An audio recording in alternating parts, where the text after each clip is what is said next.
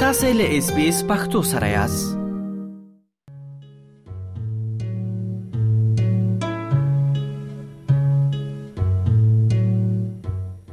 څنګه کولای شئ د جنسي رضایت ډاډ ترلاسه کړئ په استرالیا کې رضایت پرته جنسي فعالیت یو جنایي جرم دی کله مخامخ او یا آنلاین لاره تر سره شي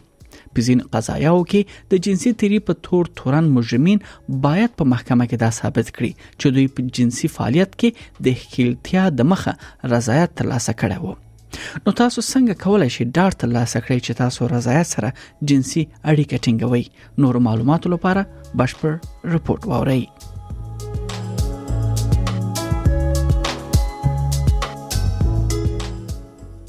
د استرالیا کورنی او جنسي توتریخوالي مشورې خدماتو یا استرالیا نېشنل ډومېسټک فیملی اند سیکشوال وایلنس کاونسلینګ سرویس په وینا چې په عام ډول د 1800 ریسپیکټ هیلپ لاین په نوم هم پیژندل کیږي د جنسي توتریخوالي اصطلاح د هر ډول جنسي فعالیت لپاره کارول کېدای شي کوم چې جنسي نګدیوالي لپاره تاسو ویره یا نارامي احساسوي جنسي تاوتریخوالی د جنسي تیری او جنسي زورونه سره تړاو لري دلته د تاوتریخوالي کلمه د فزیکی تیری او احساساتي او رواني زیانونو چې کېدای شي د غیر فزیکی وسیلو لاره لکه آنلاین هم رامنځته کیږي دا ورته کارول کیږي د استرالیا د احصایې اداره یا ای بي اس شمیرې ښایي چې په استرالیا کې له هر 15 میرمنو څخه یوې د 15 کلنۍ څخه د جنسي تیری تجربه کوي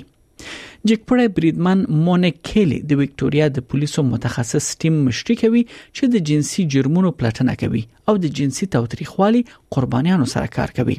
هغه وایي جنسي تیری د هر هغه نګدي اړیکو په توګه تعریف شوی وي چې ناخوښه وي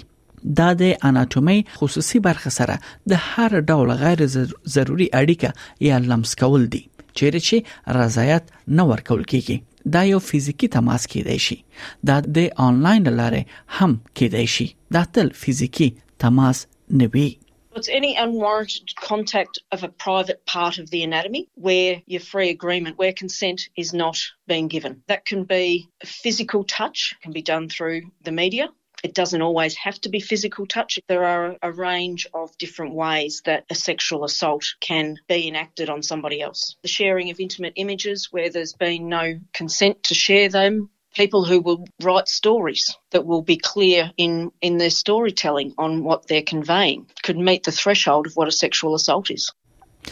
جنسي تاوتریخوالی یو جدي جرم ګڼل کیږي په روسیو کلونو کې د استرالیا ځینو سیمو او ایالتونو خپل قوانين بدل کړي دي تر څو په جنسي جرمونو تورن کسان په محکمه کې دا ثابت کړي چې دوی د جنسي فعالیت څخه د مخه رضایت ترلاسه کړی وو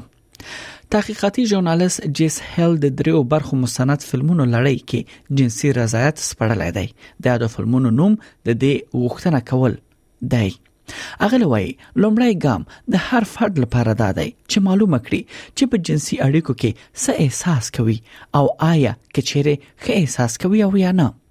یو ځل چې تاسو خپل دریز او حدود وپیژنئ تاسو باید هغه روښانه کړئ او د خپل ملګری څخه پوښتنه وکړئ چې دوی څنګه احساس کوي دا مهمه ده چې جنسي اړیکې دواړه غاړې دا ذکرې چې څنګه د نګدې فعالیت په هر پړاو کې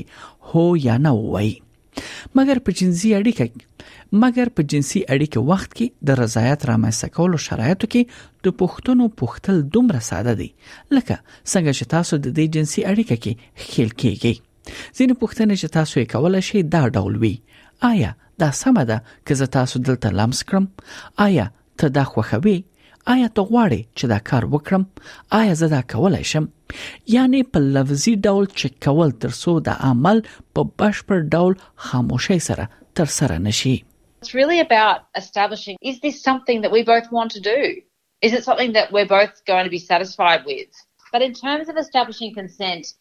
in the moment, it's as simple as asking questions as you go through that sexual interaction. Some of the questions you might ask are like, is it okay if I touch you here? Do you like this? Do you want me to do this? Can I do this? Literally just checking in so that it's not a totally silent exercise. د جنسي رضایت یقیني کول په دې معنی دی چې تاسو باید دا تایید کړئ چې د جنسي نږدې کېدو په ټوله موده کې د ټولو جنسي فعالیتونو لپاره لیوالتیا او مثبت نظر شتون لري په ځینو قضایاو کې د دې لپاره چې جنسي عمل قانوني وي دا نور کافی نه دی چې فرض کړئ چې تاسو جنسي رضایت لرئ تاسو باید دا په فعال توګه او په مکرر ډول وپلټئ او پوښتنه وکړئ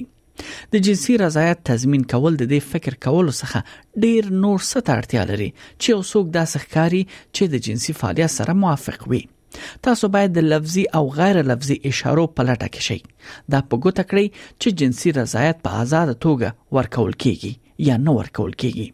دا ځکه چې رضایت په هر پړاو کې بیرته اخیستل کېدای شي او که تاسو ملګری خاموش شي یا فلج شي دا ممکن اختلاف نخوي یا رضایت موجود نوی It's not enough for you to presume that there was consent because of certain types of body language or because they didn't say no. Obviously, no looks like no. That person might say stop, but they might just be silent or they might freeze. In a sexual interaction, if you're with someone and they can't say anything, that's not enthusiastic consent. If they say, oh, I'm not sure, and they sound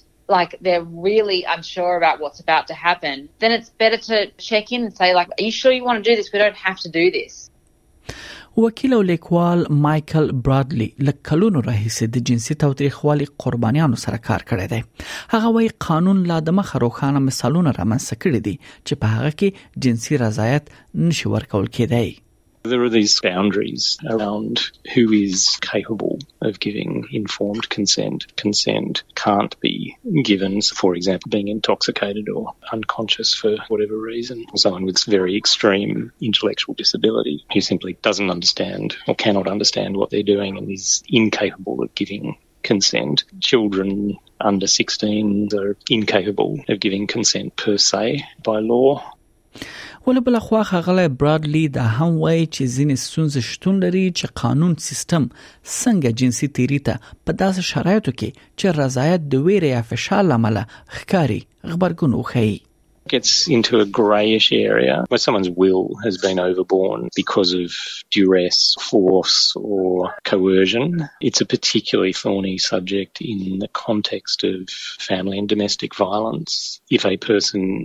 is in a coercive control relationship that includes sexual coercion, then although they may be actively consenting in a practical sense, but if that's really because they don't believe they have a safe alternative choice or they've actually lost the ability to exercise free will, then there is no consent.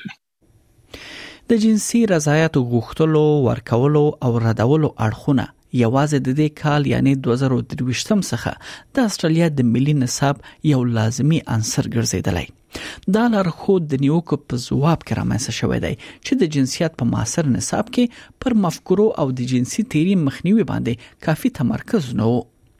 د نوي نصاب موخه دا ده چې رضایت او درناوي اړیکې د زده کوونکي عمر ته په کتو هغه ته وخی او د جبر او ځواک انډول هم روښانه کړي دا د جندر سټیریوټایپونو ته هم اشاره کوي لکه د دودیزو کلتوري توقعاتو توپیرونه چې په نارینه او ښځو کې لیدل کیږي ریچی هارډکور یو خونکی او فعال دی چې د کورنۍ او جنسي توتریخوالي مخنیوي کې د کلونو تجربه لري هغه په هغه په استرالیا او نیوزیلند کې ښوونځیو ته د جنسي زده کړې او رضایت برنامې چمتو کړې دي هغه په دې باور دی چې د کلتوري نورمونو ترمنځ توپیر شتون لري چې د ممنوعیت او بدنامۍ لامل د جنسیت په اړه په ښکاره توګه خبرې کول منع دي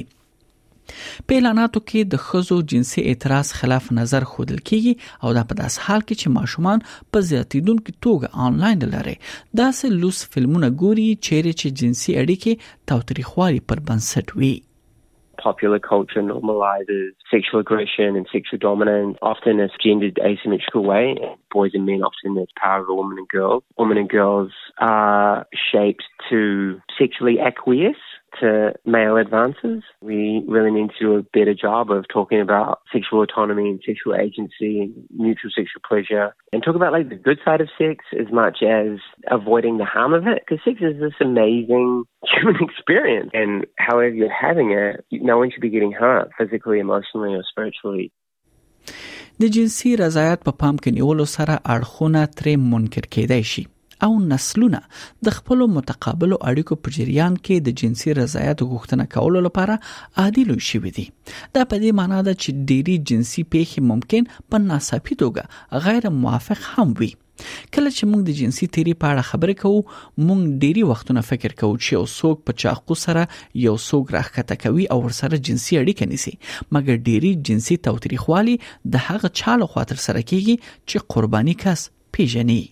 Let's give everyone the language that they need and then the social normalization of having these conversations. I think it will undo a lot of harm. When we talk about rape, we often think about someone jumping out of the bushes with a knife and dragging someone off, and sadly that happens. But most sexual violence is perpetrated by someone who knows the victim or people on Tinder dates or even within relationships. That's the fact of the matter. So how do we ensure that people are having non-violent, mutually pleasurable, consensual sexual experiences? جس هل لپاره زده کړه چې څنګه د جنسي رضایت غوښتنه وکړي داسې طریقه ده چې هر څه طبيعي احساس کړي او د جنسیت په شاوخوا کې د کلتوري پلوه د شرم لمنځه وړل دا هم شامل دي او ټوله کې واقعي شکل سره رضایت باید پکې شامل وي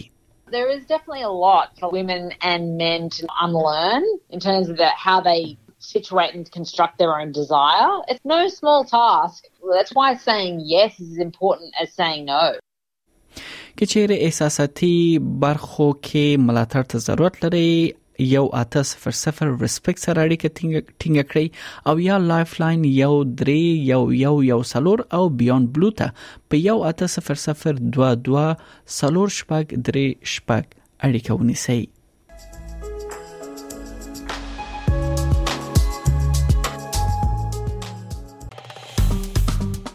اس پی اس پختو په فیسبوک کې تا کې پلی مطلب یو فاک کړئ نظر ور کړئ او له نورو سره شریک کړئ